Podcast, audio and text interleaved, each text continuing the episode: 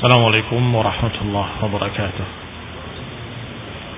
إن الحمد لله نحمده ونستعينه ونستغفره ونعوذ بالله من شرور أنفسنا ومن سيئات أعمالنا من يهده الله فلا مضل له ومن يضلل فلا هادي له وأشهد أن لا إله إلا الله وحده لا شريك له وأشهد أن محمدا عبده ورسوله صلى الله عليه وعلى آله وأصحابه والتابعين وتابع التابعين ومن تبعهم بإحسان إلى يوم الدين.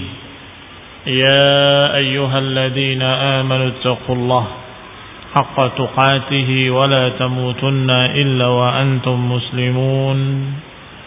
يا أيها الناس اتقوا ربكم الذي خلقكم من نفس واحدة وخلق منها زوجها وبث منهما رجالا كثيرا ونساء. واتقوا الله الذي تساءلون به والأرحام. إن الله كان عليكم رقيبا. يا أيها الذين آمنوا اتقوا الله وقولوا قولا سديدا يصلح لكم أعمالكم ويغفر لكم ذنوبكم ومن يطع الله ورسوله فقد فاز فوزا عظيما. أما بعد فإن خير الحديث كتاب الله. وخير الهدي هدي محمد صلى الله عليه وعلى آله وسلم. وشر الأمور محدثاتها فإن كل محدثة بدعة وكل بدعة ضلالة وكل ضلالة في النار. إخواني في الدين أعزكم الله. Yang saya hormati. Kemarin sudah kita hadis-hadis yang memberitakan bahwa umat ini akan dipimpin oleh 12 khalifah dengan berbagai macam bentuk lafad-lafadnya. Ada lafad yang berbunyi bahwa urusan umat ini akan tetap jaya selama dipimpin oleh 12 khalifah. Ada pula lafaz yang berbunyi bahwa manusia akan tetap berjalan. Umat akan tetap mulia selama dipimpin oleh 12 khalifah. Dalam lafaz lain kulluhum min Quraisy, semuanya dari Quraisy. Dalam lafaz lain disebutkan al-amr la yanqadi. Urusan umat ini enggak akan berakhir hingga lewat 12 khalifah atau lafat la yazalu amru ummati qa'iman. Bahwa urusan umat ini akan tetap tegak selama dipimpin oleh 12 khalifah kulluhum min Quraisy dan lain-lain. Maka hari ini kita akan baca tentang makna dari hadis-hadis ini. Dari para ulama. Dibawakan oleh Imam Suyuti rahimahullah fi makna hadhil ahadith tentang makna hadis-hadis ini pertama ucapan Al-Qadhi Ibn Iyad rahimahullah. Atau Qadhi Iyad maksudnya. Qala berkata Qadhi Iyad la'alla al-murad bil isna ashar fi hadhihi al-ahadith wa ma shabahaha أنهم يكونون في مدة أو في مدة عزة الخلافة وقوة الإسلام واستقامة أمور والاجتماع على من يقوم بالخلافة kata Qadhi Iyad sebagaimana disebutkan dalam ucapan beliau dalam kitab Al-Minhaj fi syarah Sahih Muslim Ibn Al-Hajjaj. Kata beliau, bisa jadi maksud dari 12 khalifah di dalam hadis-hadis ini dan hadis yang semirip dengan ini adalah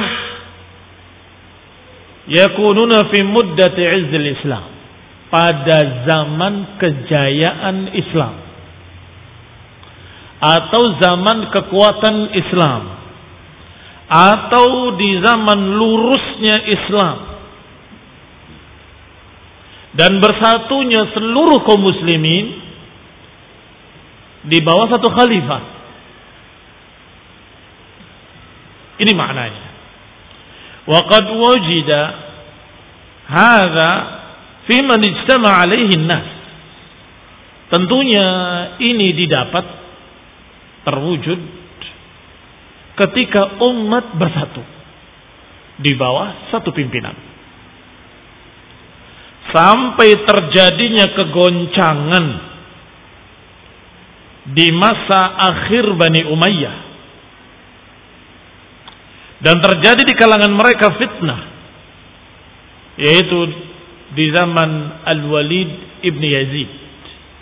Dari Bani Umayyah.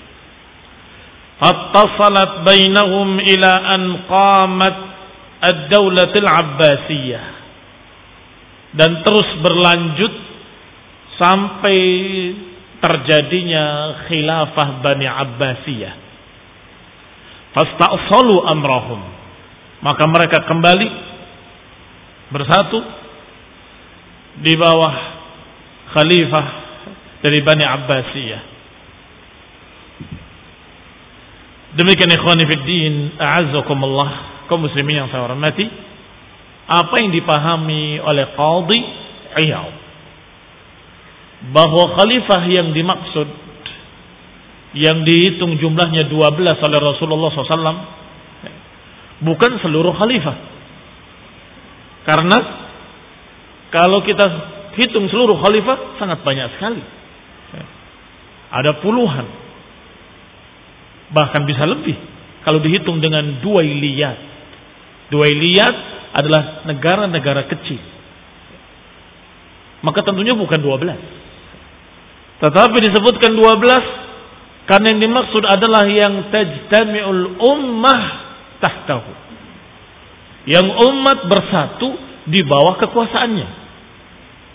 Dan tentunya kita bisa sebut dengan pasti khalifah yang pertama, kedua, ketiga, dan keempat. Abu Bakar, Umar, Utsman, dan Ali radhiyallahu taala anhum dan juga yang sahih di masa Al Hasan juga bersatu walaupun hanya beberapa bulan atau kurang atau lebih. Tetapi beliau menyerahkannya dan mengalah kepada Muawiyah radhiyallahu taala anhu wa radhiyallahu taala anhuma sehingga Al Hasan dipuji oleh Rasulullah SAW atas sikapnya yang mulia. Ketika ada yang berkata kepadanya, Ya Amirul Mukminin, wahai cucu Rasulullah,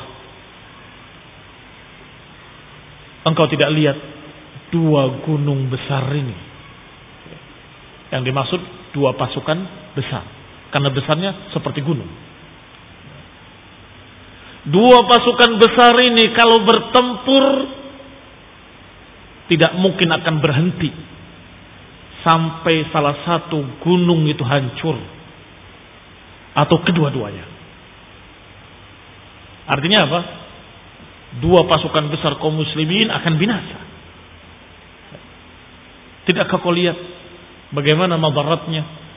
Maka Hasan mengatakan benar. Ya, itu benar.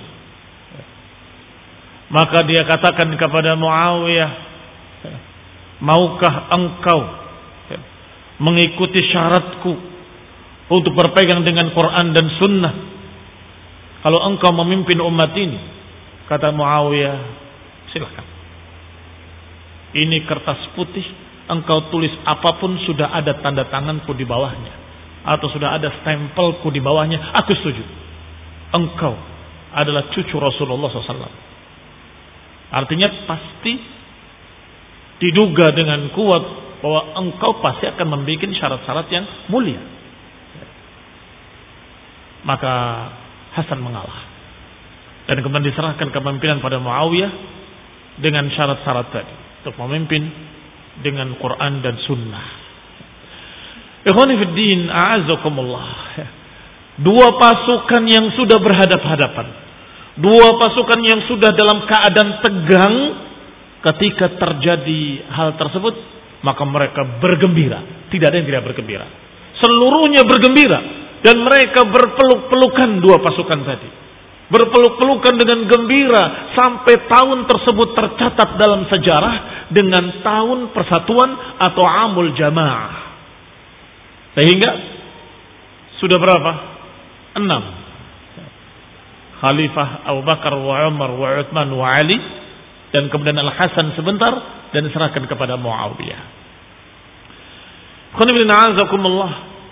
Yang seperti itu yang dimaksud dalam hadis. Kata Qadhi Iyad. Yang manusia bersatu di bawahnya.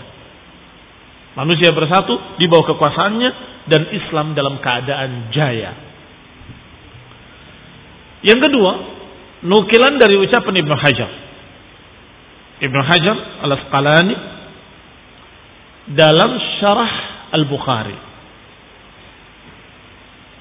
Ini Fathul Bari. Di juz ke-13 halaman 225. Dan ternyata Ibnu Hajar pun membenarkan apa yang diucapkan oleh Qadhi Iyad. Qal, beliau berkata, Kalamul Qadhi Iyad ahsan ma qila fil hadis wa arjahuhu. Kata Ibn Hajar, ucapan Qadhi Iyad adalah sebagus-bagus ucapan yang menerangkan tentang hadis ini. Hadis 12 khalifah. Wa arjahuhu dan yang paling rajihnya. Limada? Mengapa demikian? Kata Ibn Hajar, lita'yidihi biqaulihi fi ba'di turuqil hadis karena didukung oleh beberapa lafat-lafat hadis di dalam beberapa jalan-jalannya as-sahihah yang sahih. Apa lafat yang dimaksud? Yaitu lafat yang berbunyi kulluhum yajtami'u alaihi nas. Seluruhnya Manusia bersatu di bawahnya. Ini 12 imam ini, 12 khalifah ini, semuanya manusia bersatu di bawahnya.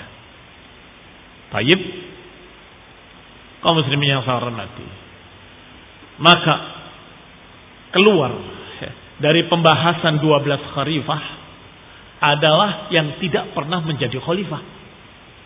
Iya kan? Pertama hadis yang menyebutkan khulafa atau isna ashar khalifah. 12 khalifah, 12 khalifah. Maka tidak termasuk dalam berita yang sahih ini orang-orang walaupun mulia Walaupun dia seorang yang saleh, mukmin, taqi, waliun min illah, walaupun dia adalah ahli bait yang mulia, kalau dia bukan khalifah, bukan yang dimaksud. Seperti sekian banyak tokoh-tokoh ahlul bait. Al-Husain radhiyallahu taala anhu wa ardahu. Tapi tidak menjadi pernah menjadi khalifah, maka tidak termasuk dalam 12. Tidak seperti Al-Hasan yang pernah memimpin. Demikian pula tokoh ahlul bait Muhammad bin Hanafiyah yang masyhur kesolehannya dan keilmuannya. Demikian pula Zaid, walaupun kadang dipanggil Imam Zaid karena ilmunya, karena salehnya. Tapi tidak dianggap atau tidak termasuk dalam 12 ini. Demikian pula sekian banyak sahabat-sahabat yang mulia. Walaupun mereka alim min ulama. Ulama sahabat, ulama salaf. Walaupun dia imam fil ilmi, imam dalam ilmu, juga tidak dikatakan atau tidak masuk dalam 12 khalifah. Karena kalau mereka semua masuk akhirnya bukan 12. 120 mungkin lebih. Ada sekali Wa kharaja minhu dan keluar daripadanya juga yang menjadi khalifah tetapi la tajtami alaihin nas. Yang keluar daripadanya pula, keluar dari 12, yang pernah menjadi khalifah tetapi la tajtami alaihi ummah, tapi umat tidak bersatu di bawahnya. Dan ini nanti yang akan dibahas oleh para ulama atau oleh Imam Suyuti sendiri dalam kitab kita sebentar lagi. Beberapa tokoh-tokoh khalifah yang tidak termasuk karena muslimin terpecah. Dan waktu itu ada sekian pimpinan, ada sekian khalifah-khalifah. Maka itu tidak termasuk. Kembali kepada ucapan Ibnu Hajar. Wa idahu dhalik. Dan penjelasannya. Annal murad bil istima' inqiyaduhum li bay'atihi. Yang dimaksud dengan bersatu di bawah pimpinannya adalah mereka terikat seluruhnya dengan bayat. Kalau terjadi pemberontakan, terjadi kekacauan, dalam artian ada yang melanggar atau ada yang itu maklum. Di setiap khilafah terjadi. Di masa Umar ada yang membunuh Umar bin Khattab Berarti menentang khalifah. Di masa Utsman ada demonstran, demonstrasi yang memerangi atau dalam tanda petik menentang penguasa berduyun-duyun datang ke rumah khalifah sampai membunuh Utsman. Zaman Ali ada Khawarij dan Ali memerangi Khawarij. Khawarij memerangi Ali bin Abi Thalib sampai terbunuhnya Ali bin Abi Thalib oleh Khawarij. Apakah berarti umat la tajtami'? Apakah berarti umat tidak bersatu di bawah Umar karena ada yang membunuhnya atau tidak bersatu di bawah Utsman karena ada yang mendemonya atau tidak bersatu di bawah Ali karena ada pemberontak? Tidak. Itu tidak dihitung. Mengapa? Karena mereka berbaiat asalnya. Tapi mereka mengkhianati baiat mereka. Mereka tadinya sepakat Kemudian mereka membatalkan kesepakatan mereka. Ini barakallahu fikum tidak dihitung, tidak dimaksud. Ya. Maka dikatakan di sini oleh Syekhul Islam Ibn Hajar rahimahullah. Annal murad bil istima' inqiyaduhum li bay'atihi bahwa yang dimaksud dengan istima' adalah bersatunya mereka dalam artian seluruhnya berbaiat tidak ada pendapat lain. Tidak ada pendapat lain. Walladhi waqa'a anna an-nas ala Abi Bakrin. Yang terjadi manusia sepakat memilih Abu Bakar dan membaiat beliau. Thumma Umar dan manusia sepakat membaiat Umar ibn al-Khattab radhiyallahu taala anhu. Thumma Utsman Kemudian manusia sepakat pula berbayat kepada Utsman bin Affan radhiyallahu taala anhu. Thumma Ali dan kemudian terjadi pula dengan sepakat manusia membaiat Ali ibn Abi Thalib radhiyallahu taala anhu. Ila an waqa'a amrul hakamaini fi siffin hingga terjadilah pertikaian di dalam fitnah Siffin. Fitnah Siffin diambil dari kata tempat, nama tempat yang bernama Siffin. Al-makan alladhi hadasat fihi al-mawqi'ah bain al-Imam Ali wa Imam Muawiyah Ibn Abi Sufyan. Terjadi pertikaian antara Imam Ali bin Abi Thalib radhiyallahu taala anhu dengan Muawiyah. Dan asal muasalnya bukan pertikaian masalah perebutan khilafah. Saya ulangi. Bukan pertikaian memperebutkan khilafah. Bahwasanya fitnah saat itu benar-benar fitnah karena memang terjadi kesalahpahaman yang sangat dahsyat. Ketika Utsman terbunuh. Kalau terbunuh itu sifatnya mendadak. Kalau mendadak sifatnya darurat. Maka apakah mungkin umat tanpa pimpinan sehari saja? Apalagi dua hari, apalagi tiga hari, apalagi seminggu, apalagi sepekan. Tidak bisa. Umat tanpa pimpinan akan terjadi kekacauan yang dahsyat. Baik, maka mereka jangankan hitungan hari, beberapa jam saja mereka gelisah. Siapa yang akan memimpin salat? Siapa yang akan memimpin Jumat? Siapa yang akan memimpin umat ini? Mereka sudah gelisah. Sehingga mereka tidak ada pilihan lain ketika itu kecuali membaiat Ali. Tidak ada pilihan lain kecuali membaiat Ali bin Abi Thalib. Kenapa tidak ada pilihan lain? Sudah pernah kita singgung bahwa asalnya adalah karena itu sisa dari enam orang yang Umar mengatakan pilih di antara enam orang. Mundur dua orang dan satu menyatakan aku akan milih kalian dan aku tidak akan dipilih. Berarti kurang tiga. Sedangkan yang satu lagi adalah anaknya Umar dan kata Umar boleh ajak musyawarah tapi jangan dipilih. Tinggal berapa? Tinggal dua. Utsman dan Ali. Sekarang Utsman terbunuh. Siapa sisanya? Ali. Maka mereka mencari, Aina Ali, Aina Ali. Sedangkan Ali dalam keadaan sedang duduk di, di sof, di kalangan makmumin, tertunduk kepalanya, karena khawatir akan terjadi hal tersebut. Dan terjadilah apa yang dikhawatirkannya. Semua mencari Ali, Aina Ali, Aina Ali. Dan kemudian dibayar. Dan sepakat seluruh manusia bahwa memang Ali lah yang pantas untuk menjadi khalifah. Sedangkan Muawiyah radhiyallahu taala anhu dia di Syam. Khobar berjalan ketika itu tidak seperti hari ini. Bisa lewat SMS atau telepon. Membutuhkan waktu perjalanan satu bulan. Kurang lebih. Seorang berkendaraan yang paling cepat. Itu butuh waktu. Hampir satu bulan. Baru mendengar berita Berita apa? Bukan berita Ali terpilih. Baru datang berita Utsman dibunuh. Sedangkan Utsman masih kerabat Muawiyah.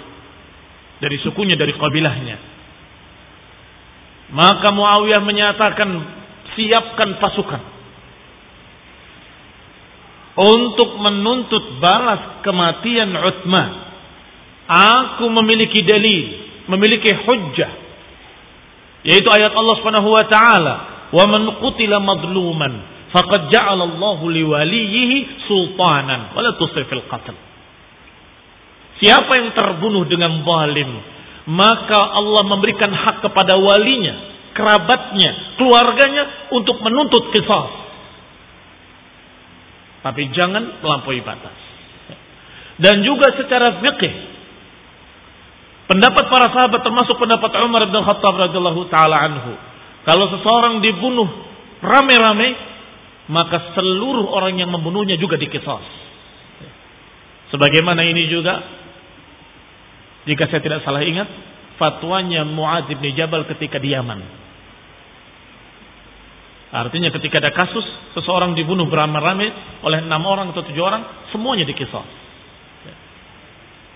Sedangkan yang terjadi pada Uthman adalah pembunuhan beramai-ramai sekian orang yang terlibat. Maka kata Muawiyah, semua mereka harus ditangkap, harus dikesal. Ketika berangkat pasukan tersebut, di perjalanan mendapatkan berita, sudah ada khilafah. Ketika sampai di Madinah, suasana sudah lain. Berita berangkat satu bulan kurang lebih, berita atau perjalanan balik berapa? Kurang lebih satu bulan. Sudah dua bulan lewat.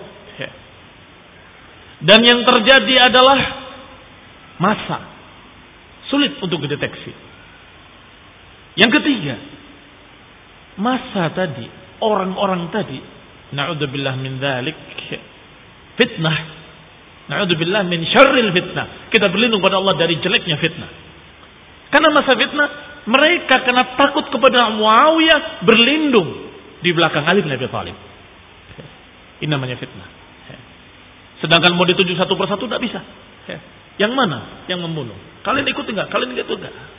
Ada yang ikut rame-rame mengepung rumah Utsman, tapi tidak ikut mengayunkan pedang. Ada yang ikut mendorong tapi tidak ikut membuka pintu. Ada yang ikut hanya menus, menebat tangannya saja. Ada yang tidak. Sekian banyak keadaan mereka. Ini fitnah. Dan disebutkan yang kelima atau keempat.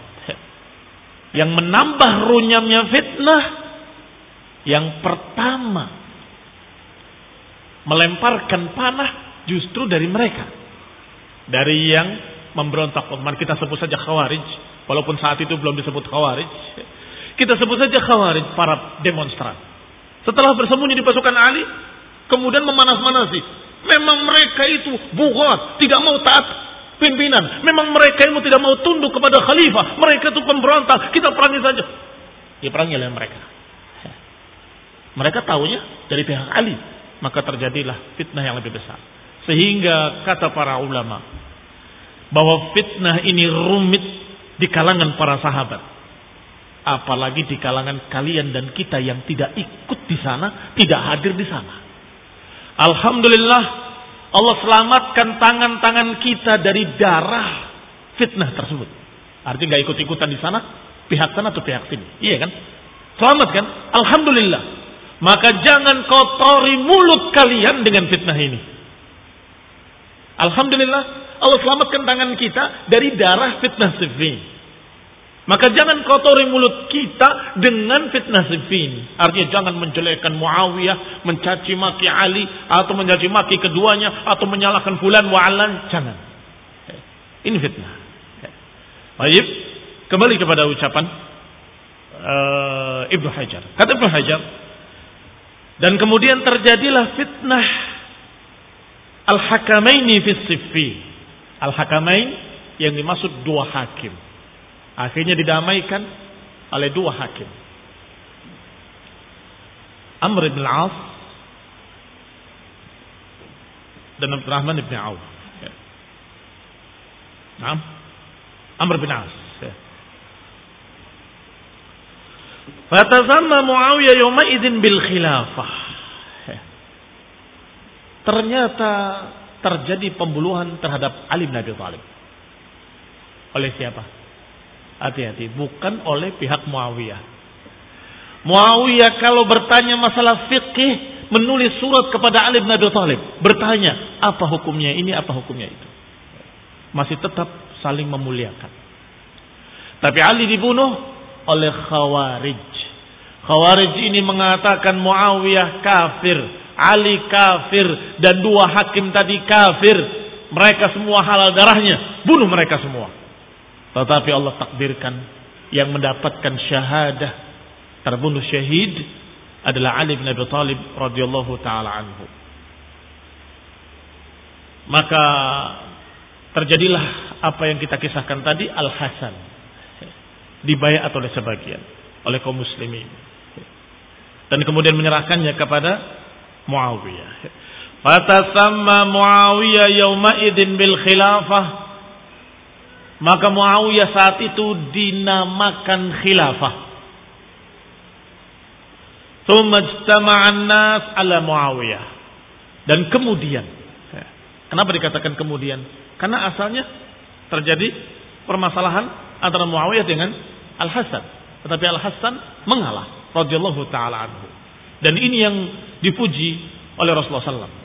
Ketika menggendong Hasan masih kecil, Rasulullah SAW sudah berkata, Inna hadha ibni sayyid. Sesungguhnya anakku ini sayyid. Yang akan mendamaikan dua pasukan besar dari kaum muslimin. Inna hadha ibni sayyid. Sesungguhnya anakku ini adalah sayyid.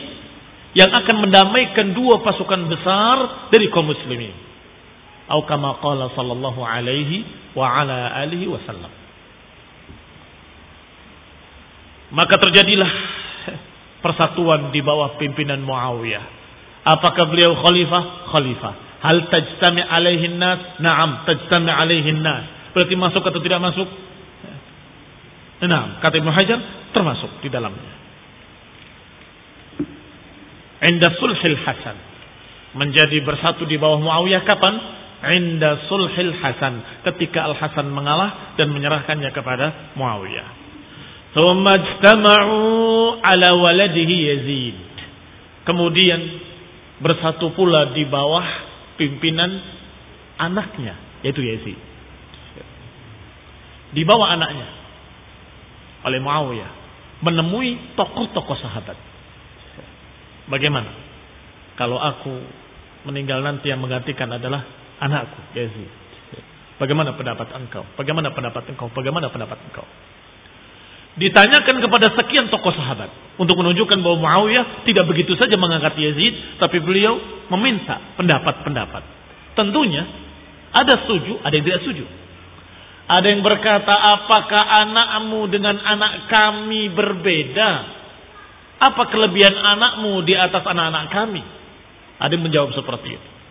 Ada yang menyatakan terserah engkau. Ada yang menyatakan dengan sekian pendapat.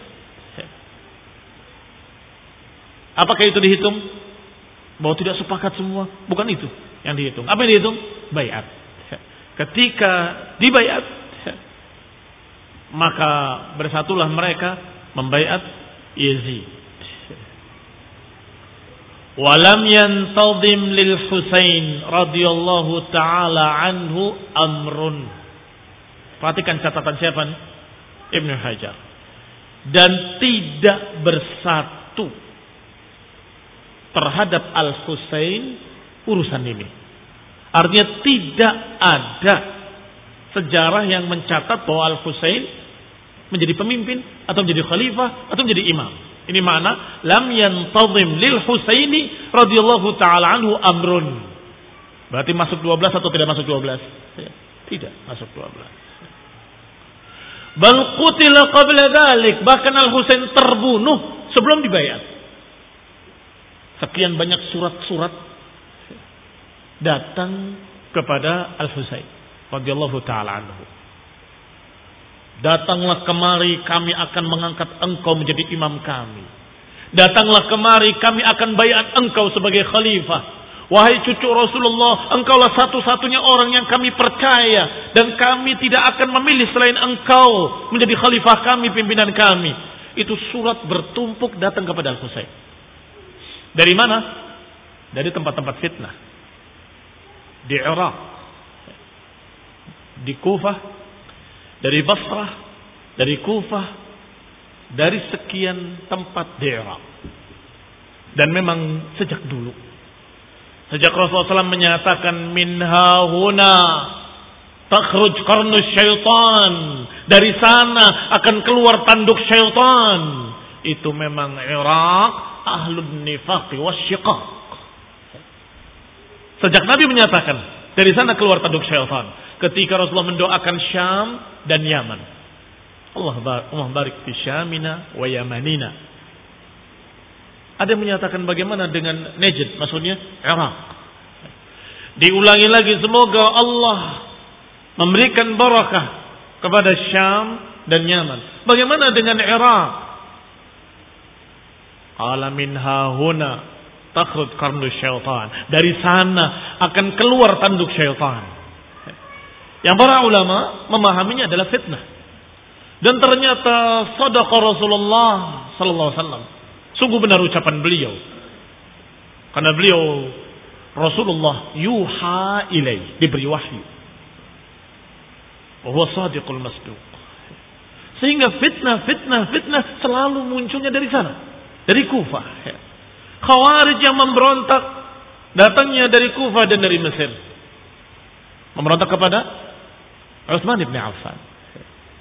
Demikian pula Khawarij yang diperangi oleh Ali bin Abi Thalib juga dari sana. Dan sekarang surat-surat itu ternyata datangnya dari sana. Dari kaum Syiah. Dulu masih sama. Mereka menamakan diri mereka Syiah. Maksudnya Syiatu Ahlul Bait, Syiatu Ali, Syiatu Husain, begitu. Artinya para pencinta atau golongan pencinta Ahlul Bait. Tetapi ketika mereka menentang Ahlul Bait, khususnya Imam Zaid imam karena ilmunya bukan khalifah, bukan penguasa. Maka mereka tidak lagi dijuluki Syiah oleh para ulama karena menentang ahli bait. Berarti bukan Syiah atau ahli bait, bukan berarti mereka pembela ahli bait, tidak. Mereka bukan lagi pembela ahli bait karena mereka menentang ahli bait, tetapi mereka adalah penentang ahli bait. Maka baru dijuluki Rafidhah. Waktu itu masih istilahnya Syiatu ahli bait. Surat yang bertumpuk menggerakkan Al-Husain untuk berangkat. Walaupun dinasehati oleh sahabat-sahabat kibar. Sahabat-sahabat yang mulia. Abdullah ibn Abbas. Abdullah ibn Umar. Dan sekian sahabat yang lain. Dan kenapa saya katakan kibar? Karena saat itu mereka kibaruhum. Sebab kalau di zaman Abu Bakar wa Umar, mereka anak-anaknya sahabat. Anaknya Umar, anaknya kan begitu. Tapi setelah tidak ada Abu Bakar, tidak ada Umar, dibandingkan dengan Al Hasan Al Husain, mereka justru lebih tua. Alhum. Maka tokoh-tokoh sahabat yang saat itu adalah mereka. Dinasehati jangan. Ini masa fitnah. Aku mengkhawatirkan engkau. Sahabat kedua juga sama. Mengatakan wahai cucu Rasulullah. Aku nasihatkan engkau untuk jangan berangkat. Ini masa fitnah. Banyak pertumbuhan darah. Aku khawatir atas dirimu. Aku mengkhawatirkan engkau. Dan ternyata apa yang dikhawatirkan oleh mereka terjadi. Belum sampai di Irak. Masih di daerah Karbala. Sudah terjadi apa yang terjadi. Dianggap pemberontak dan dihalangi oleh tentara penguasa. Dan tentara penguasa itu diperintahkan oleh khalifahnya hentikan pemberontakan Al-Husain. Perintahnya hanya hentikan. Tetapi di bawah melaksanakan lebih dahsyat. Diperangi mereka, dibunuh mereka. Ini khonibina Sehingga ketika menyaksikan hal tersebut cucu Rasulullah SAW dibunuh. Khalifah mengeluarkan air mata dan menyatakan aku tidak menyuruh sampai seperti ini. Aku hanya mengatakan hentikan. Cegahlah pemberontakan Al-Husain. Kembali saya katakan ini masa fitnah. Radiyallahu ta'ala anhu wa ardah. Kemuliaan beliau jauh lebih mulia daripada Yazid. Jauh lebih mulia daripada apalagi bawahannya pimpinan tentaranya.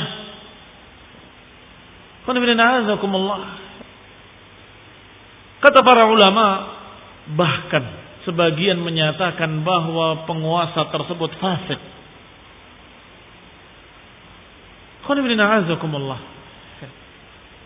Tetapi apakah sah atau tidak sah seorang penguasa muslim? Kalau ternyata dia fasik tetap sah. Kaum muslim yang saya hormati. Kembali kepada kitab. Qala thumma lamma mata Yazid waqa'a al-ikhtilaf kemudian ketika Yazid terbunuh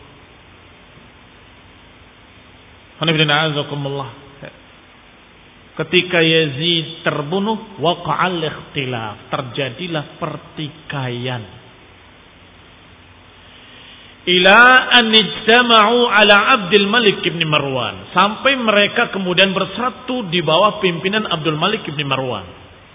Maka yang terfitnah, uh, maksud saya yang terpecah tadi, ini mengaku jadi khalifah yang sana mengaku jadi khalifah yang ini dibayat yang sana dibayat itu tidak dihitung Mengapa?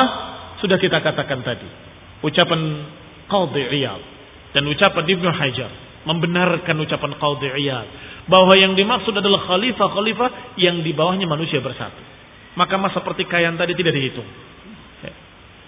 Sampai bersatu lagi di bawah Abdul Malik ibn Marwan.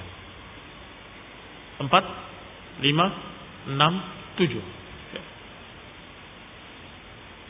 Sumajtama'u. Kemudian bersatu lagi di bawah anak-anak Abdul Malik ibn Marwan. Yang empat. Yaitu Al-Walid ibn Abdul Malik. Wa Sulaiman ibn Abdul Malik. Kemudian Yazid ibn Abdul Malik. Kemudian Hisham ibn Abdul Malik. Walaupun takhallala baina Sulaiman wa Yazid. Walaupun diselingi di selah-selahnya oleh satu khalifah Yazid uh, antara Sulaiman dengan Yazid yaitu Umar ibn Abdul Aziz radhiyallahu taala anhu wa rahimahullah semoga Allah merahmatinya fahaula'i sab'atun ba'dal khulafa'ir rasyidin maka ini tujuh dengan khilafah khulafah rasyidin yang empat berapa jumlahnya sebelas Kurang berapa? Kurang satu. Wasani ashar huwa al-Walid ibn Yazid ibn Abdul Malik. Yang kedua belas yang manusia bersatu di bawah pimpinannya adalah Al-Walid ibn Yazid ibn Abdul Malik. Ijtama'an nas alaihi lamma mata ammuhu Hisham. Dia memimpin setelah meninggal pamannya Hisham. Fawaliyan nahu arba'a sini. Dia memimpin empat tahun. Thumma qawmu alaihi faqatalu. Kemudian mereka membunuhnya dan kemudian setelah empat tahun dibunuh intasyaratil fitan terjadilah fitnah-fitnah wa taghayyaratil ahwal berubah keadaan pada hari itu walam yattafiq dan tidak lagi manusia sepakat di bawah satu pimpinan dan tidak lagi bersatu mereka sampai hari ini. Ini hitungan beliau. Ada yang menghitungnya baru sebelas. Nanti akan disebutkan insya Allah pendapat yang lain tersebut. Mengapa?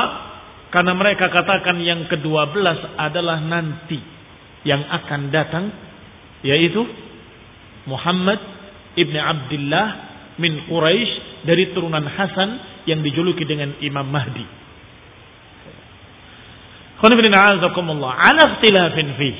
Tentunya permasalahan tadi rinciannya mana yang 12 ada ikhtilaf di kalangan para ulama. Ada perbedaan-perbedaan sedikit, ya, perbedaan sedikit. Tetapi intinya mereka sepakat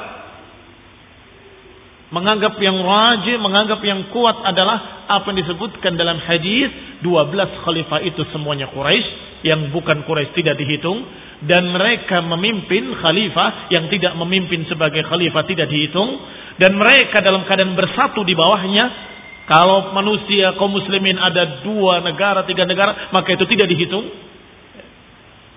ini sepakat hanya saja untuk rincian satu persatunya ini yang terjadi perbedaan sedikit di kalangan para ulama. Kita akan lanjutkan insyaallah pada pertemuan berikutnya bismillah taala tentang 12 khalifah yang kulluhum min Quraisy yang semuanya kaum muslimin bersatu di bawahnya.